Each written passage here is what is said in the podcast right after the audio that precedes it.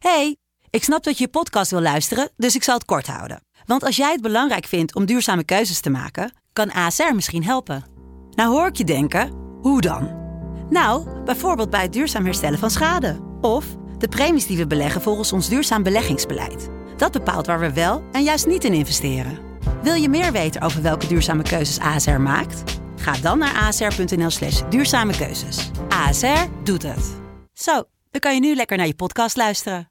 Hey, ik snap dat je je podcast wil luisteren, dus ik zal het kort houden. Want als jij het belangrijk vindt om duurzame keuzes te maken, kan ASR misschien helpen.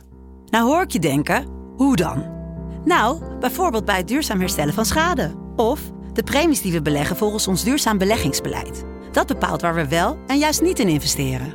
Wil je meer weten over welke duurzame keuzes ASR maakt? Ga dan naar asr.nl/slash duurzame keuzes. ASR doet het. Zo, dan kan je nu lekker naar je podcast luisteren. De stroom. Dit is iets nieuws.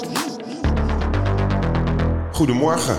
Ja, allereerst mijn excuses dat we uh, ja, niet waren om, uh, om half zeven, zoals jullie uh, gewend zijn. Dat vereist een verklaring. We hebben natuurlijk een verantwoordelijkheid naar jou af te leggen. Hij zit elke dag klaar, trouw als een hond, met die hondenogen, met die hondenoren te wachten op de nieuwe podcast. En dan was hij er niet. What the fuck? En ik kan daar een grapje over maken, maar ik denk dat het beter is om gewoon eerlijk te zijn. Ik zal het jullie uitleggen.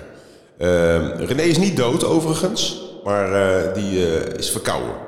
Nee, hij is echt verkouden, is geen excuus. Maar we hadden, vanochtend vroeg hadden we een aflevering gemaakt en uh, dat ging niet best.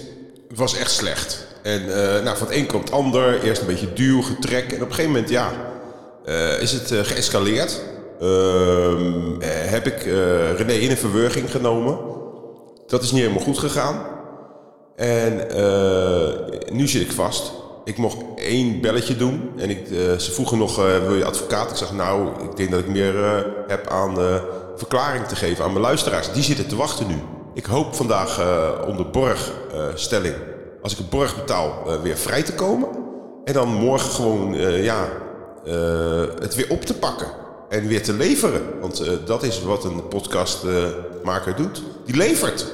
En het, het, zou jullie worst wezen hoe. Maar ehm, er moet wat komen. Dus ik hoop dat jullie me vandaag vergeven.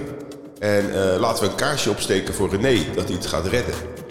En hopelijk tot morgen. Dit was Iets Nieuws. Tot morgen.